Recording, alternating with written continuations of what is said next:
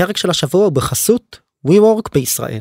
אני רוצה לספר לכם על תוכנית חדשה שהם השיקו כאן בארץ, שכל המטרה שלה זה לתמוך בסטארט-אפים, מאזיני ומאזינות הפודקאסט הזה, עסקים קטנים ואפילו ארגונים חברתיים בתחילת הדרך. אז WeWork משיקה בישראל תוכנית גלובלית שנקראת WeWork Growth Campus, שזו תוכנית למען מיזמים ישראלים שבסופו של דבר כוללת סבסוד של חללי עבודה.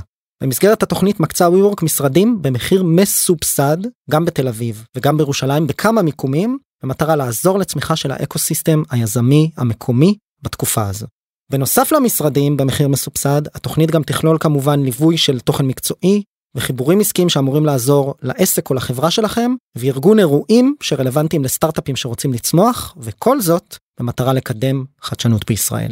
הרשמה לתוכנית נפתחה עכשיו ותנאי הזכאות המלאים שצריך כמובן לעמוד בהם והגשת מועמדות ניתן לעשות דרך האתר של WeWork בישראל שזה wework.co.il WeWork זה W-E-W-O-R-K ולינק להגשה נמצא ב description של הפרק. אז אם אתם עומדים בתנאי הזכאות ורוצים משרדים במחיר באמת מצחיק ואתם סטארט-אפים או מובילי עסקים קטנים או ארגונים חברתיים בתחילת הדרך תירשמו בלינק ב description שיהיה בהצלחה. עוד פודקאסט? עוד פודקאסט. עוד פודקאסט לסטארט-אפים.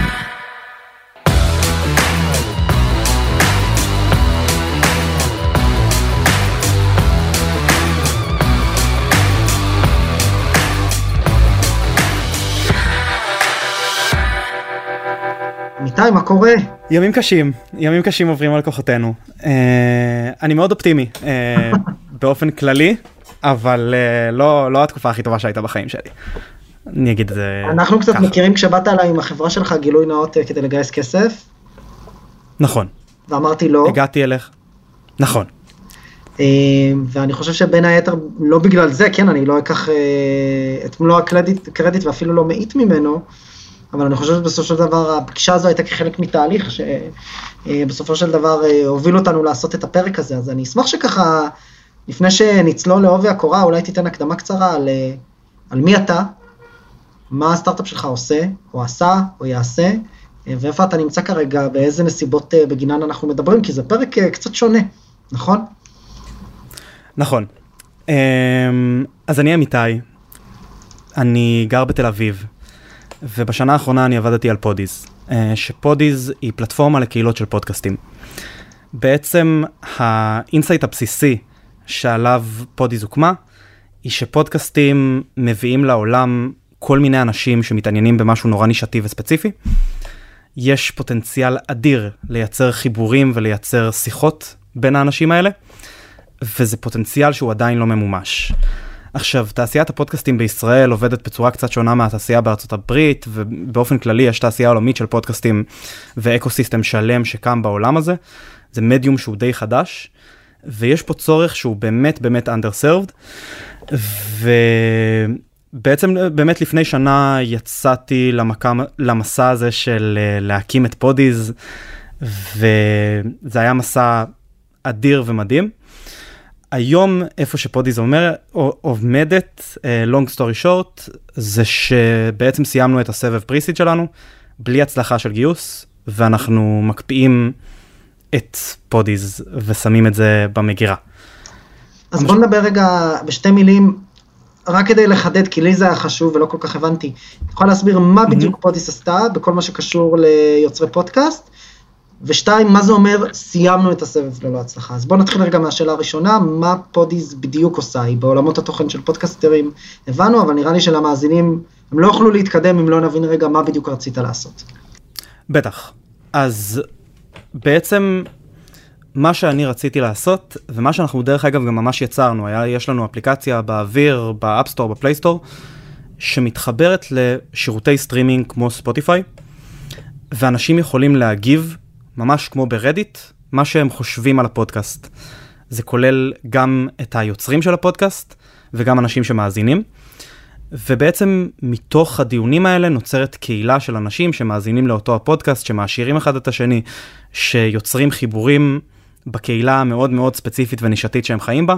Uh, פה אנחנו נמצאים בעוד פודקאסט לסטארט-אפים, אז זה אנשים שיש להם את העניין הזה ביזמות, יש להם את העניין הזה בסטארט-אפים, בסטארט-אפים ישראלים, וזה בעצם מה שאנחנו יצרנו, אפליקציית מובייל שמתחברת לשירותי סטרימינג בעזרת API ו-SDK, ומאפשרת את השיח הזה בין אנשים שלא מחליף את פלטפורמות הסטרימינג, זה אחד הדברים שהיו לנו משמעותיים ושממש הדגשנו אותו מההתחלה. אנחנו לא באים ליצור עוד שירותי סטרימינג, יש אלף אפליקציות פודקאסטים שעושות סטרימינג, זה לא, ה... זה לא הדבר המייחד של פודיז. הדבר המייחד של פודיז זה זה שאנחנו מייצרים את הערך הזה לקהילה. ומה, בוא נדבר קצת על, אז, אז היה לך רעיון, איך הכל התחיל מבחינה אופרטיבית בכל מה שקשור לתהליך הרעיונות והגיוס, איפה, איפה הדברים, או איך הגענו למצב שהתהליך הגיוס בעצם נכשל? אז יש, יש פה מסע ארוך, אה, יש פה מסע של שנה בין לבין, אבל אני, אני מגיע מרקע של, אה, של product, גם product design, גם product management, והדבר הטבעי שהיה לי לעשות ברגע ש, שיש לי את התובנה הזאת שבעצם היה נקודה נורא נורא ספציפית, הגעת, שמעתי את הפרק, את הפודקאסט השני הכי טוב על סטארט-אפים שמגיש אותו בחור בשם גיא, uh, How I Built This עם גיא רז, ועלה שם מיגל מקלווי. ומיגל מקלווי, ה-co-founder של אה, WeWork ביחד עם אדם ניומן, זה היה עוד, הוא התראיין כש-WeWork עוד הייתה בתקופ... בשיאה. והוא דיבר על האימא ההיפית שלו שככה חינכה אותו בתוך קהילה כזאת וזה וכאלה, ילדות קצת מוזרה. עכשיו אני בורכתי או התקללתי או whatever, גם בנסיבות דומות, והיה בי צורך מאוד עמוק לבוא ולשתף ולשת... את הדבר הזה. זה לא הצליח. Uh, ניסיתי למצוא קהילה בפייסבוק, הקהילות בפייסבוק של How I Built This היו מתות, כולם. Uh, ברדיט היה קצת יותר, אבל גם לא היה שם, לא היה שם, מס... זה, זה לא הרגיש שזה מיועד לזה. זה לא הרגיש שזה מיועד לאנשים ששומעים פודקאסטים, זה הרגיש שכפו על הפלטפורמה את הצורך הזה. והבנתי שיש פה איזשהו צורך. Uh, בשלב הזה הלכתי על שתי אסטרטגיות, האחת זה לעשות ראיונות עם אנשים שמאזינים לפודקאסטים, ממש ראיונות עומק. השני זה יצאתי ממש עם קליפבורד אה, כזה, הרגשתי כמו uh, סוקר כזה שכזה באוטובוס מגיע אליך ושואל אותך שאלות, נופל עליך משום מקום. נפלתי על אנשים משום מקום ושאלתי אותם אתם מאזינים לפודקאסטים, אם הם אמרו לי כן, התחלתי לתחקר להם את החיים. ובאזור הבימה, דרך אגב, אם uh, מישהו שומע את זה ונפלתי עליו כרעם ביום בהיר, אז uh, זה היה אני ואני מתנצל שלקחתי מזמנכם. ו... והבנתי שיש פה צורך, והבנתי שיש פה צורך אמיתי שלאנשים אין בהכרח עם מי לדבר במעגל הקרוב שלהם על הדברים שבאמת באמת הם כזה passionate about them. באותו שלב, דרך אגב, גם התחלתי להתעניין הרבה מאוד בפילוסופיה סטואית, וזה בזה ממש כל הסביבה שלי, כשאמרתי להם משהו על פילוסופיה, אמרו לי, לך ממני. ו... ואז היה התחלה של כאילו תהליך של בניית מוצר. דרך אגב, באותו שלב, באותו חלק ב timeline, גם uh, יצא לי להראות איזשהו mockup שעשיתי לגרסה מאוד מאוד התחלתית של, uh, של פודיז, שאז נקראה גם בשם אחר והכל, לדוד שלי. Uh, ודוד שלי התלהב בטירוף, בטירוף, בטירוף, אמר לי, אתה חייב להכיר uh, את אחד מחברי הילדות שלי, uh, שהוא uh, עודד פונטש, עודד פונטש שהוא היזם הראשון שמכר חברה לגוגל, היזם הישראלי הראשון שמכר חברה לגוגל. אה, בחור רציני וחכם וחד, והיום הוא גם מקים חברה מדהימה ומטורפת. וישבתי איתו לקפה של שעה וחצי, הראיתי לו מוקאפים, הסברתי לו מה התוכנית וזה וכאלה. אחרי שעה וחצי הוא אמר לי, תשמע, אמיתי, אני לא הולך להשקיע, אני לא עומד להיכנס כ-CTO, אמרתי לו, מה, מה זאת אומרת?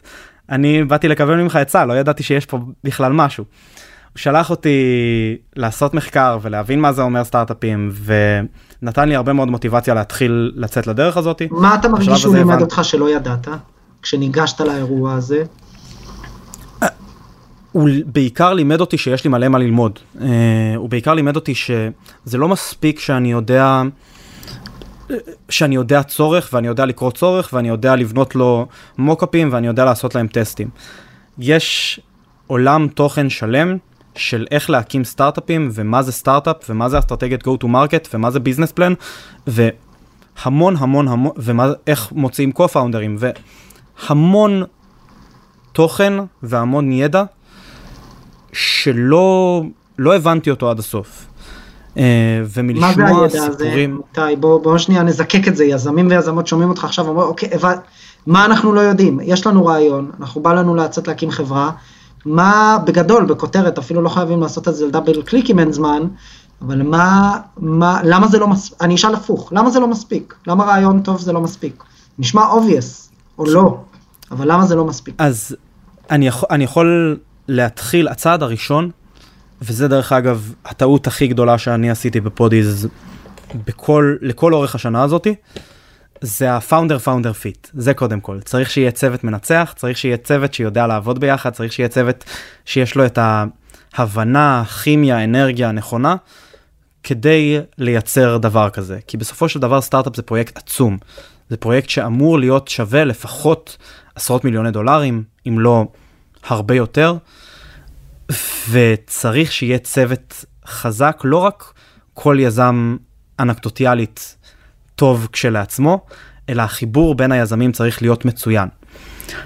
זה משהו שאצלי אפשר לעשות לזה דאבל קליק עוד מעט, אבל זה אחד, למצוא, לחבר צוות מעולה. השני, go to market, לא מספיק שיצרת מוצר טוב. איך המוצר הזה מגיע לשוק, איך המוצר הזה מגיע לאנשים, איך יוצרים פה נטוורק אפקט, איך, איך מתחילים לגלגל את הדברים כדי שהשוק יקבל ויאמץ ויגדיל בסופו של דבר את החשיפה למוצר. אז, זה... אז לא מספיק הרעיון, אני, אני שואל את זה כאילו כשאלת תם. בסוף אני, הר... אני מצופה ממני כבר בשלב ראשון להגיע לשוק, אנחנו מדברים על זה הרבה בפרקים שלנו, ולקבל אה, לקבל ולידציה ראשונית על, הדבר, על האירוע הזה. זה, זה בסוף מה שאתה אומר. אני אומר גם את זה, ואני אומר גם יש חלק נורא בסיסי, שרואים אותו בצורה מאוד בולטת בחברות שהצליחו, לפחות אני, לא, אני רואה אותו, של איזשהו founder founder fit. איזשהו, איזושהי התאמה מאוד מאוד חזקה בין שני אנשים שרוצים עכשיו חמש שנים להקים את פרויקט חייהם ולבלות זמן ביחד יותר מכל בן אדם אחר בחיים שלהם. אז, זה גם ההתאמה בין צוות הפאונדרים, אה, וגם יש מה שנקרא Founders Market Fit, שזה בעצם למה הצוות הזה יפתור דווקא את, הוא הצוות הכי מתאים מתוך 100 צוותים שונים, לפתור את אותה בעיה ספציפית, שזה גם שאלה שמשקיעים שואלים את עצמם, ואני בכוונה נתתי פה את המטאפורה הזו, כי משקיעים רואים הרבה מאוד צוותים, אז הם יבואו ויגידו, אוקיי, יש לי צוות שפותר אה, בעיה לעולמות הפודקסטרים, אם הייתי רואה 100 צוותים שמגישים לי את אותו רעיון, גרוסו מודו, למה, מי מהצוותים positioned ברמת הידע המקצועי, תכונות האישיות, וכמובן החיבור ביניהם, כמו שאמרת, Founders Fit, אה, וגם אל מול אה, יכולות execution, לפתור את הבעיה הזו בצורה המטיבה, המיטבית ביותר. נכון. אז יש גם באמת את ההתאמה של ה skills לשוק, התאמה של ה skills אחד בין השני, ויש פה גם עניין של התאמה לבעיה, זה לא בהכרח התאמה לפתרון, ובגלל זה אני חושב ש... רעיון זה חלק כל כך, כל כך, כל כך, כל כך קטן. כל כך קטן. הרעיון של פודיז המקורי היה רעיון הרבה יותר גדול, שכלל גם audiobooks, וכלל גם e-books, וכלל כל מיני דברים ש, שבסופו של דבר נפלו, ואלה היו החלטות נכונות ש, שאני עשיתי. Uh, זאת אומרת, אם זה היה רחב יותר, אם זה היה פותר יותר דברים, אני לא חושב שהיה יותר סיכוי להצליח. יש הרבה מאוד דברים שהם נוספים, שצריכים לקרות כדי שסטארט-אפ יצליח. Uh, יש הרבה מאוד עניין של נטוורק, uh, דרך אגב. יש עניין של, וזה, במיוחד בישראל, אפשר ליצור נטוורק. אפשר להגיע לאנשים, ואנשים מאוד אדיבים, ואנשים מאוד רוצים לעזור. אבל כמה מאמצים אתה צריך להשקיע כדי להגיע למשקיע XYZ, כשה-XYZ האלה מוכפלים ב-200 משקיעים שאתה תרצה לתת להם פיץ', באיזשהו שלב ישחק חלק משמעותי. והחלק המשמעותי הזה, שאין את הנטוורק הזה מלכתחילה, זה היה משהו שאני ממש לא ידעתי אותו בכלל לפני, לפני שנכנסתי למסע הזה, והוא קריטי.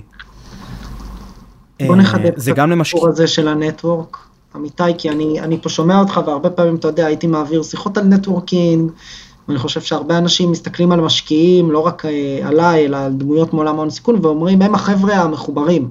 או יש יזמים יותר מקצוע, יותר מנוסים, סליחה, אני מתנצל, אה, שכבר הכירו משקיעים וכדומה, והם כבר מחוברים. אז מה זה אומר נטוורק, המונח הרך הזה? כשאני מתחיל לגייס, מה אני צריך לעשות? בפרקטיקה. לפנות לאנשים שאתה שיכול... מתחיל לגייס? לפנות למשקיעים ישירות.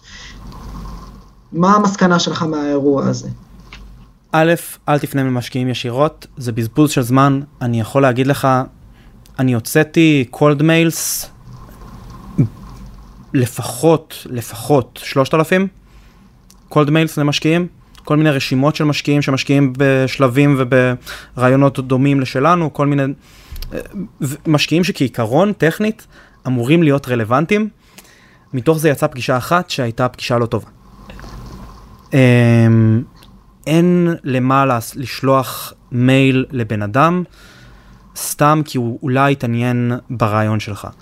מה שצריך בעיניי לעשות, זה לעשות עבודת עומק של מי האנשים שאם אני רוצה להגיד, שאם אני רוצה להגיע לבן אדם X שהם מכירים, הם יכתבו בשמחה מייל לאותו בן אדם X ויקשרו בינינו.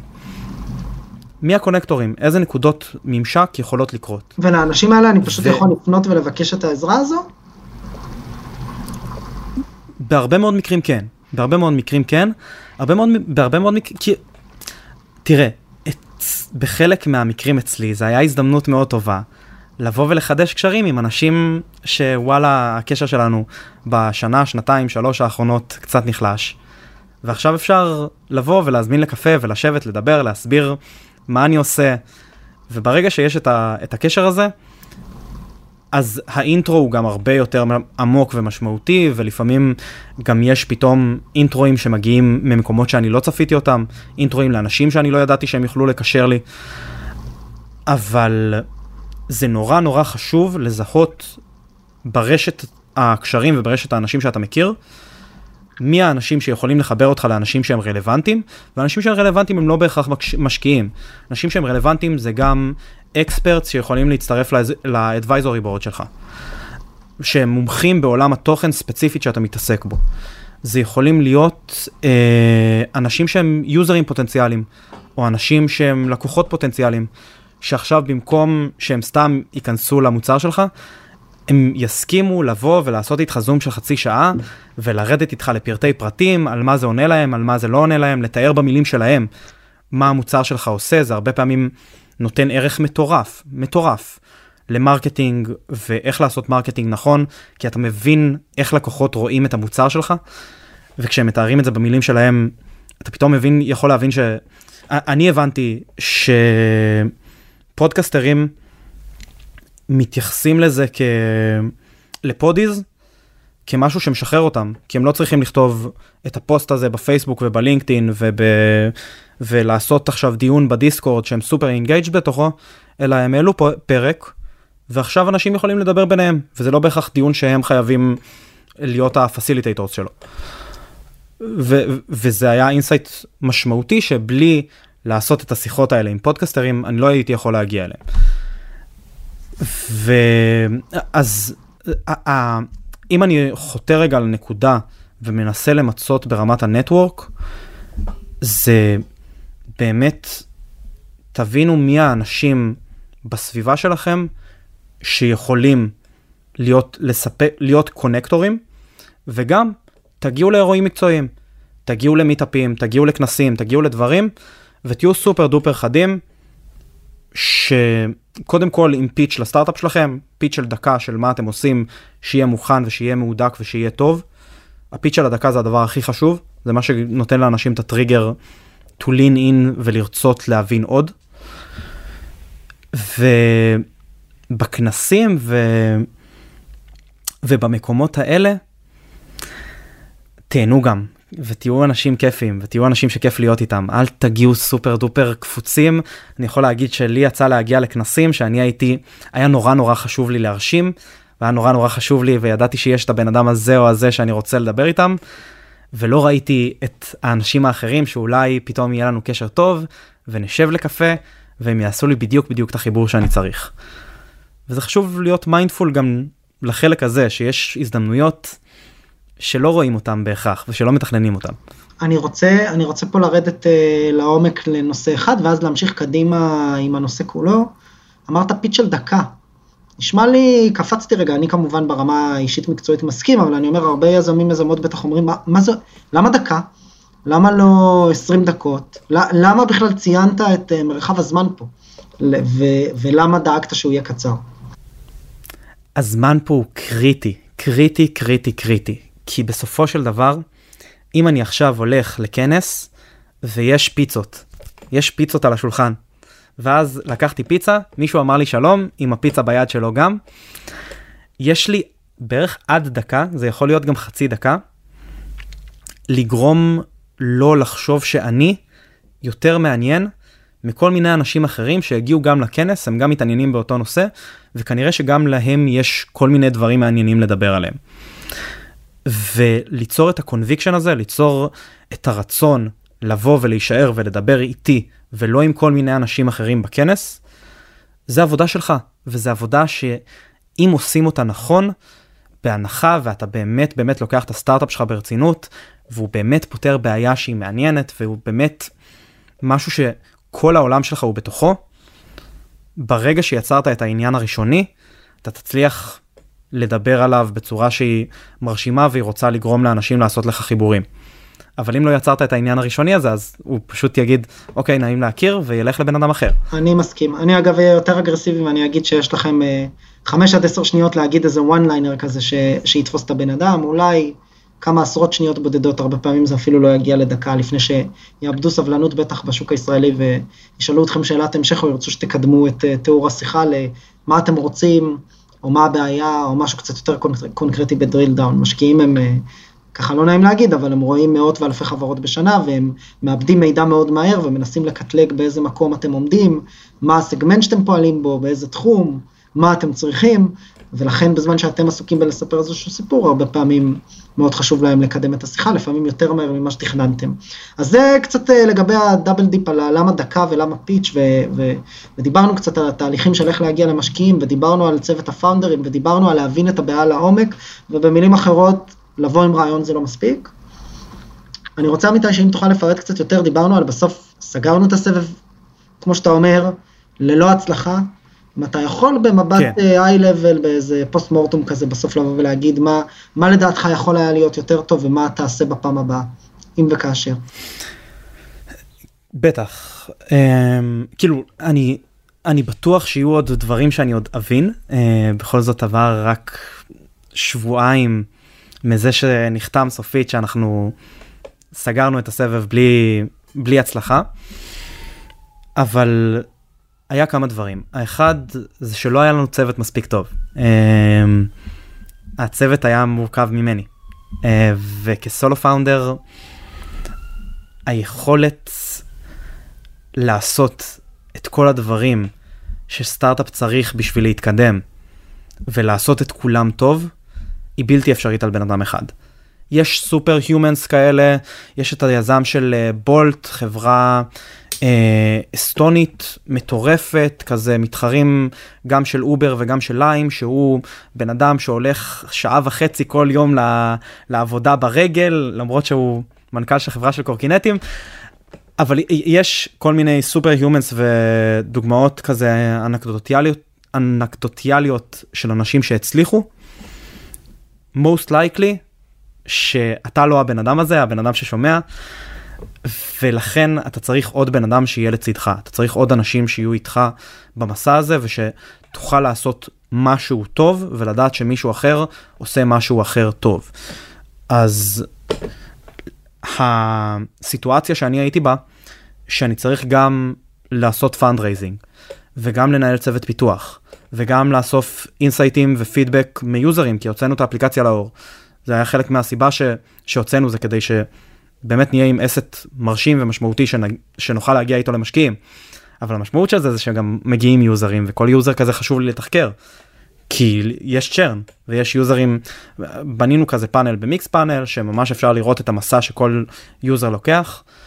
ואם אני רואה איזושהי התנהגות שבן אדם אחרי פרק אחד לא המשיך והשתמש בפודיז לעוד פרק, אני רוצה לבוא ולדבר איתו. ו... ובאותו זמן אני צריך גם להרחיב את אסטרטגיית השיווק שלנו. אסטרטגיית השיווק שלנו בסופו של דבר, היום אני יודע להגיד נכשלה, באותו זמן נתקלה בקשיים מאוד מאוד מאוד משמעותיים, ו... ולא יכלתי להקדיש לזה את הזמן ואת המשאבים ואת העומק, המשאבים לא בהכרח הכספיים, אבל את המשאבים של שנייה להתייחס לזה לעומק, לרדת לעומק של הדברים. ו- וזה היה טעות הכי הכי הכי גדולה גם בגיוס, לא, דרך אגב, שים לב, אני לא מתייחס לזה שבדק זה לא נראה טוב למשקיעים, ש... שזה צוות של סולו פאונדר, שזה פשוט טייטל שהוא לא טוב. יש לזה משמעויות גם לעסק, יש לזה משמעויות גם ליכולת שלך כפאונדר לתפקד. ו... וזה היה החלק המשמעותי בעיניי, ו... וזה השתקף למשקיעים. דבר נוסף, נגעתי ב-go to market, אני אעשה לזה רגע דאבל קליק. ה-go to market שבנינו זה היה טיול שאני עשיתי לארה"ב, אה, שהשיא שלו היה כנס של חמישה ימים, כנס בשם פודקאסט מובמנט, הכנס הגדול בעולם של תעשיית הפודקאסטים, שקורה ב, שקרה בדאלאס שנה שעברה. וזה היה כנס שהגעתי ממש כל בוקר, הקשבתי לקינאות 8 עד 9, 9 עד 8 בערב, 100% מהזמן, באמת בלי שנייה בין לבין, לגשת לפודקסטרים עם הדמו, היה לנו כבר דמו עובד, שאנשים יכלו, הפודקסטרים יכלו לפתוח את הפודקאסט שלהם בספוטיפיי, להגיב בפודיז על הפודקאסט, והם ראו את זה והם התלהבו והם עפו. ו... ואז סיימנו את הכנס הזה של החמישה ימים מאוד מאוד מאוד אינטנסיביים. והיה לנו קשיים מאוד מאוד גדולים ב-R&D, היה לנו באג קטלני ששבוע היה נראה שהוא עומד להקריס לנו את כל האפליקציה. והתעסקתי בדברים אחרים. אה, הפוקוס שלי הלך משנייה לעשות את הפנייה הזאת ל podcasters, לרגע בוא נתקן את הבאגים שיש לנו, רגע בוא נבנה את האסטרטגיית פוד, את האסטרטגיית פודקאסט שלנו, אה, סליחה, את האסטרטגיית product שלנו קצת יותר לא, לאורך זמן גם, כדי שיהיה אפשר להראות vision יותר משמעותי למשקיעים, לקראת באמת לצאת לסבב. והלידים התקררו, כל יום שעבר הלידים התקררו. וכשחודש אחרי הכנס הוצאתי מייל לפודקסטרים, הריספונס רייט היה נמוך מאוד. אה, ולא עצרתי הם כבר לא זכרו מי זה הבחור הנחמד הזה שהם פגשו בכנס ומה הוא רוצה ממני. כן, מי זה אמיתי? מה זאת אומרת? הייתי עכשיו שלוש, בשלושה כנסים בחודש האחרון. באמריקה גם יש הרבה הרבה יותר כנסים, תעשיית הכנסים זה, זה חלק משמעותי באקוסיסטם. Uh, באמת, דרך אגב, היה כנס שאותו ארגון עשה לתעשיית הפודקאסטים בין לבין, היה עוד, פשוט עוד אירוע. שחלק גדול מהפודקסטרים היו בו.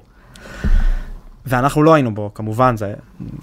אנחנו היינו בכנס הגדול, בלכל... אי אפשר להגיע לכל כנס קטן בארצות הברית. ו... ו... ובמקום לבוא ולהרים דגל אדום מבחינתי ולבוא ולהגיד אוקיי אין לנו פה go to market שיודע לסחוב את, ה... את המוצר הזה לשוק וצריך לחשב מסלול מחדש אולי אפילו ברמת ה product. ודרך אגב תהליך שכן עבדתי עם מנטור וממש פיתחנו את האסטרטגיה הזאת ובסופו של דבר אני עשיתי טעות גדולה שאמרתי אוקיי אסטרטגיית ה-B2C שלנו הוא, הלכנו כל כך רחוק פיתחנו כל כך הרבה השקענו כל כך הרבה מאמצים יש לנו פה עלות שקועה מטורפת צריך לדחוף את זה קדימה וזה וזה היה טעות שעלתה לנו הרבה ואז כשהגעתי למשקיעים אה, כולל אותך דרך אגב אני אשמח, אשמח לשמוע איך זה היה נראה לך. ואני חושב שראו את זה. שה-go to market לא חזק מספיק. כן, אני, אני חושב, go to market צריך, קודם כל אני חושב שבכל השיח אני איש של מילים, בסוף גם בפודקאסט, גם עיתונאי לשעבר, גם משקיעים, זה אנחנו אנשים של מילים, ועכשיו עם צ'אט GPT כולם נהיו אנשים של מילים. אז אני חושב שכשאומרים go to market, ולידציה, product market fit, founders market fit, אני חושב ששנייה שווה אולי שנשב ונזקק אם אתה רוצה אפשר ביחד, אני האמת לא תכננתי לעשות את זה, הפתעת אותי, אבל אני אשמח שנשב ונזקק רגע טיפה ביחד אה, מה זה אומר. אז קודם כל נתחיל מזה שאצל משקיעים, האירוע, אני קורא לו אירוע גישת הפסיכומטרי, בסדר? זה לא רק כמה אתה חושב שאתה טוב, אלא כמה אתה טוב ואטרקטיבי ביחס אה, בעצם לפול היזמים או היזמות שמשקיע נתון פוגש. ואני שוב מזכיר, המשקיעים מעידים בממוצע על, על אלפי חברות שהם רואים בשנה, גם בישראל. בוא נניח שזה נכון, או שלצרכי שיווק הם אה, מעלים את המספר באיזושהי מכפלה, אז אנחנו מדברים על מאות יזמים שהם פוגשים בשנה. המספרים הם עדיין אדירים.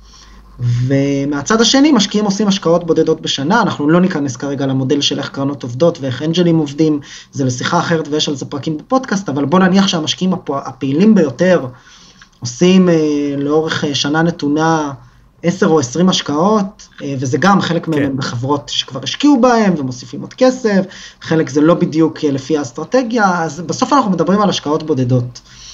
וכאן חשוב להבין שכשיש לי מספר כדורים מאוד מוגבל במחסנית, זה עוד לפני שירדתי לסעיפים עצמם, ואני יכול לעשות רק שתי השקעות בשנה כשותף בקרן, או ארבע אם אני מתפרע, ואני רואה 400 חברות בשנה, שלא לומר 2,000, בסדר, כי אני משקיע גם בחברות אולי באירופה, או בימי הבואכה, או בארצות הברית אפילו, אם זה קרנות עם אה, גישה גלובלית. אז בעצם אתה לא צריך להיות רק טוב באופן אבסולוטי, אתה צריך להיות בעיקר טוב באופן יחסי, בסדר? אה, וכאן יש הרבה מדדים סובייקטיביים, אז, אה, אה, אז, זה, אז זה דבר ראשון, וחשוב להבין את זה, ואפשר פה לחזור לכל מיני פרקים שהיו בפודקאסט, לחפש גם על סדרת fundraising וגיוס, לאיך קרנות עובדות, ולשמוע סיפורים של יזמים אחרים שגייסו, וכדומה, אז זה אחד.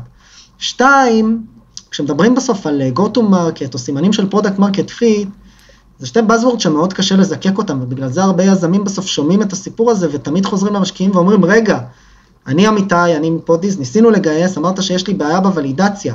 אז אם אני עכשיו אחזור אליך עם איקס uh, הכנסות, נכון? זו שאלה שהרבה פעמים שואלים, אמיתי, תקן אותי אם אני טועה. אז האם uh, תשקיע כן. או לא תשקיע? והרבה פעמים משקיעים נותנים איזו תשובה מתחכמת כזו, שבתכלס אומרת אנחנו לא יכולים להתחייב, אין איזה מספר סף. Uh, אז גם נכון. כאן אולי חשוב להגיד, שכל הבאזוורדס האלה שאנחנו משתמשים בהם, הם אף פעם לא עומדים stand alone, אין אין איזה מספר זהב שמשקיע מצפה לראות, אלא הוא מצפה לראות, הוא מסתכל על כל הנתונים, יש מאמר מאוד יפה של קרן NFX שנקרא The Ladder of Proof, של כל הדברים שאתם צריכים להראות, צוות, מוצר, אסטרטגיית go to market, פיץ', הדינמיקה בין היזמים וכולי, אה, ובסוף משקיעים מסתכלים על כולם. וגם אם אתם באים עם אה, חברה עם הכנסות של מיליון דולר, שזה מאוד מרשים, הם ישאלו את עצמם עוד שאלות, וכמובן שההכנסות האלה לחברה יהוו משקל מסוים או משקל משמעותי בהחלטה שלהם, אבל הם ירצו לראות שעוד דברים עומדים במקום. ולכן אין אף פעם נתון אחד או סיגנל אחד שאנחנו יכולים לבוא איתו, ובגלל זה האירוע הזה הוא כל כך רך, הוא כל כך רגיש, לגבי לגייס ממשקיעים. עכשיו, ספציפית אחרי שאני נותן את ההקדמה הזו, אמיתי, ואף פעם לא עשינו את השיחה הזו, זה מצחיק פה, יש את הרעיון, אז על פודי ספציפית יש כמה דברים להגיד. אחד, השוק mm-hmm. עצמו, ואני פה אומר, אה, בתור מישהו שדווקא יש לו פודקאסט, הוא שוק שהוא מאוד משתנה אה, מגיאוגרפיה לגיאוגרפיה, אה, לעבוד עם, אה, לצורך העניין, פודקאסטרים ישראלים, לעומת עם לעבוד עם פודקאסטרים בחו"ל, אה, זה אירוע אחר.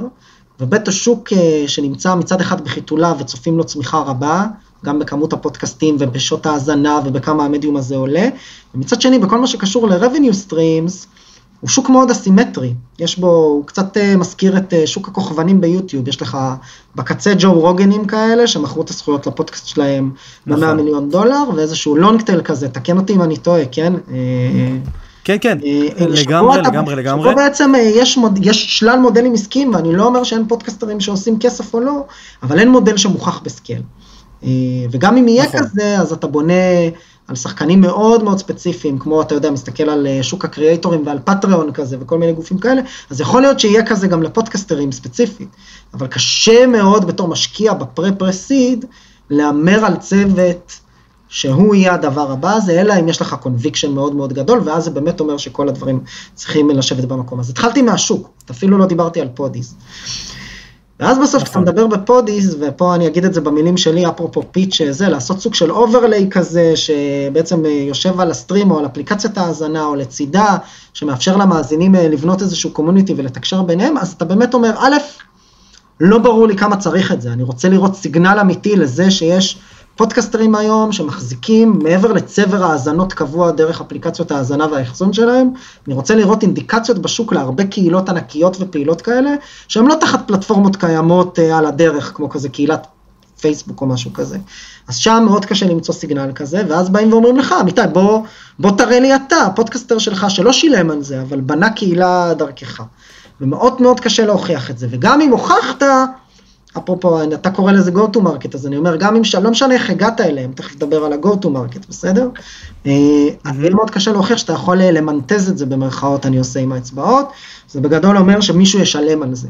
כי הפודקסטרים עצמם, וזה חוזר לנושא של השוק, הם בעצם, אה, הם בעצם חלקם בעצמם מתקשים לממן לעצמם את הפעילות, ולא ברור אם, אה, מי יממן להם אותו בהמשך. וגם אם משווים את זה לשווקי הקריאייטורים, או האי-ספורט, או כל השווקים האלה, שוב, השווקים האלה הם אסימטריים, והרבה פעמים כדי לייצר הכנסה מ-day one בשוק הזה, אתה צריך להיות משהו שהוא סופר אסנטיאל כזה, כמו סטרים אלמנטס שנכנסו לעולמות, ה, לעולמות האי-ספורט וכדומה, שאתה בעצם הפל, הפלטפורמה A to Z כזה של, ה, של הקריאייטור בתוך, ה, בתוך האירוע הזה. אז, אז בהקשר הזה מאוד חשוב להגיד, ואז כשאתה בא ואומר, אני אטפל לו ספציפית בצד של הקומיוניטי, אז אני שואל את עצמי, עבור הקריאייטור הממוצע, שלא בטוח מאיפה הוא יעשה הכנסה, לא ברור כמה עוקבים יש לו, ולא ברור אם בכלל יש לו קהילה, וזה, האם זה יהיה הראשון הראשון שלו, אפילו כ-nice to have, וגם אם כן, האם הוא בכלל ירצה לשלם על זה. אז זה ככה שאלות, ועוד לא אמרתי מילה על ה-go to market, שזה, go to market זה, רק כדי להגיד את זה שנייה בהתאמה, זה go to market, it's not your market, זה המתודות שבהם זה נשמע buzzword כזה מפוצץ, אבל זה בסוף מתודות מאוד uh, ממשיות, ארציות, לגבי איך אנחנו מגיעים ל market שלנו. אז יש אנשים ששולחים נכון. אימיילים ועושים כנסים ומפעילים performance uh, marketing בגוגל או, ב, או באינסטגרם וכולי, או עובדים עם אפיליאציה ועובדים עם שותפים, זה go to market. go to market זה לא ה market, זה איך אני מגיע ל market. כן, כן. וגם כאן, אה... כמו בשוק הקריאייטורים, אני בכוונה נותן את הפיץ' ואז תגיב להכל או שנתפלפל על זה. או סגור, אין בעיה. לא זה, אז אני אומר, מהניסיון שלנו בעבודה עם סטארט-אפים שפונים לקריאייטורים, אני אומר, ה-go to market הוא בעייתי. כשאומרים ה-go to market הוא בעייתי, זה בגדול אומר, או לא ברור מה הצ'אנלים שבהם אתה פונה ללקוחות שלך, או ברור מה הצ'אנלים, mm-hmm. אני צריך לפנות באימייל או דרך הסוכן, אם זה קריאייטור וזה, אבל בגדול הם לא עונים לאימיילים, נגיד. כאילו נורא ברור סתם שליוצרים הגדולים יש סוכנים, אבל הסוכנים האלה הם שומרי סף ותפקידם זה למנוע ממך למשל להגיע ליוצר. כדי שחלילה לא תחליף אותם או תיקח להם chunk, ובסוף אה, יש להם אינטרס, ויש להם אינטרס שהוא קצר טווח, הרבה פעמים נגיד בעולמות המדיה, בואכה, לא, לא רק פודקסטרים, כי אותם אה, סוכנים שומרי סף הם לוקחים עמלה עכשיו. אז לא מעניין אותם שפודקסטרים, להקים פודקאסט ולעשות נכון. קהילה ל... אה, לא יודע מה, לריאנה. כי אולי בעוד עשר שנים זה יהיה מעניין, הם עכשיו עושים, אה, לא יודע, איקס אחוז מכל הכנסה, אז מעניין אותם משהו שהוא עכשיו, מעניין אותם today, tomorrow, לא מעניין אותם בעוד שנה. אז יש פה כל מיני מערכות אינטרסים כאלה, שצריך, לה, ואם אין להם סוכן והם קטנים, אז לא בטוח שבכלל זה מעניין.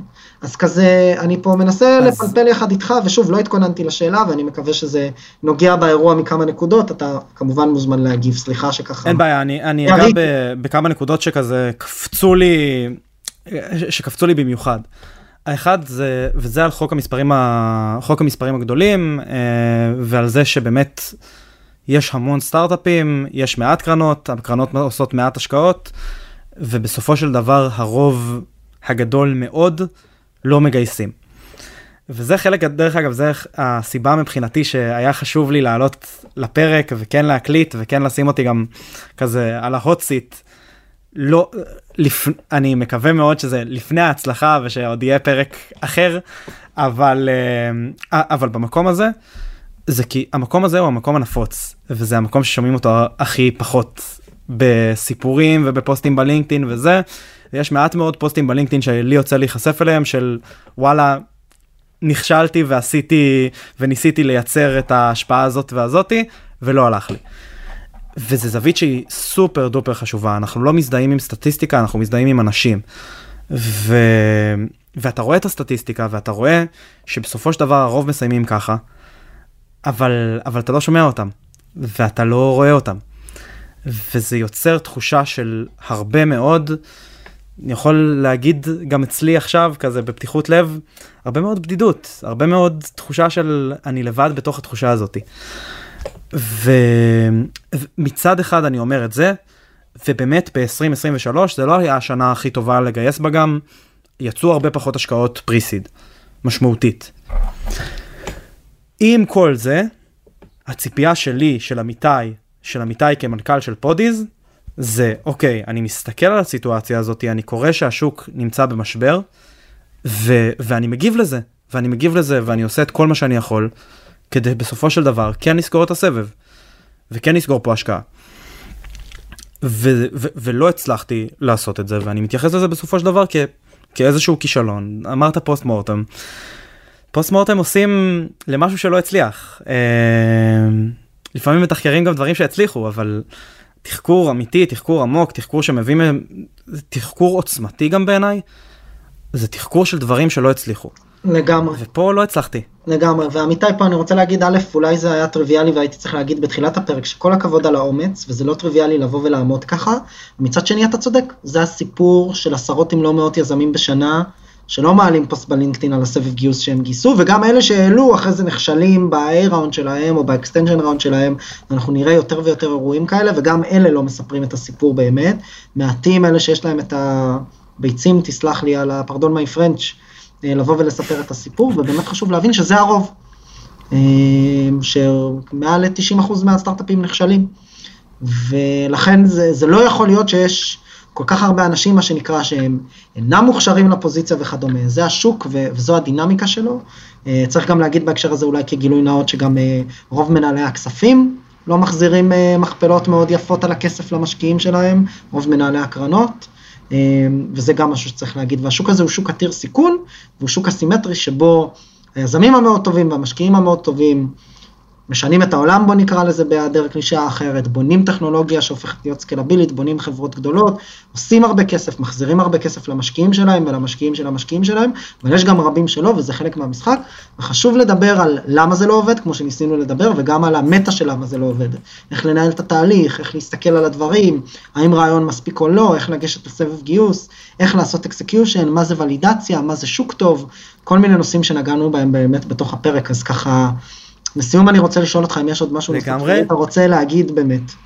ואני רוצה להשוות ולהעלות על מה שאמרת עכשיו, שאותם יזמים שאנחנו רואים ששינו את העולם ובנו חברות גדולות ועשו את, הד... כאילו, ובאמת עשו את זה,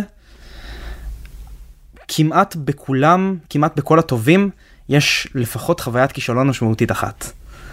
וזה לא רק חלק שצריך לקרות איזושהי מגמה סטטיסטית שצריכה לקרות כדי שאנשים יצליחו, שחלק ייכשלו, שחלק גדול ייכשלו, אלא זה גם חלק מהדרך להצליח, זה גם חלק מהדרך שבה דברים כן קורים בסוף. אני, אני משער שאת הפגישה הראשונה, השנייה, השלישית שעשית, שניסית לגייס הון לקרן הון סיכון שלך, לא, זה, זה לא הלך חלק. ולמדת עם הזמן, לגמרי, גם דברים שאתה יודע להגיד וגם דברים שלא. איך להשתפר ואיך לעשות את זה טוב יותר. וזה חשוב שאנחנו כחברה נדע גם להכיר בזה ונדע גם כזה, נדע לתת את המקום להיכשל. אני מאוד מאוד מסכים.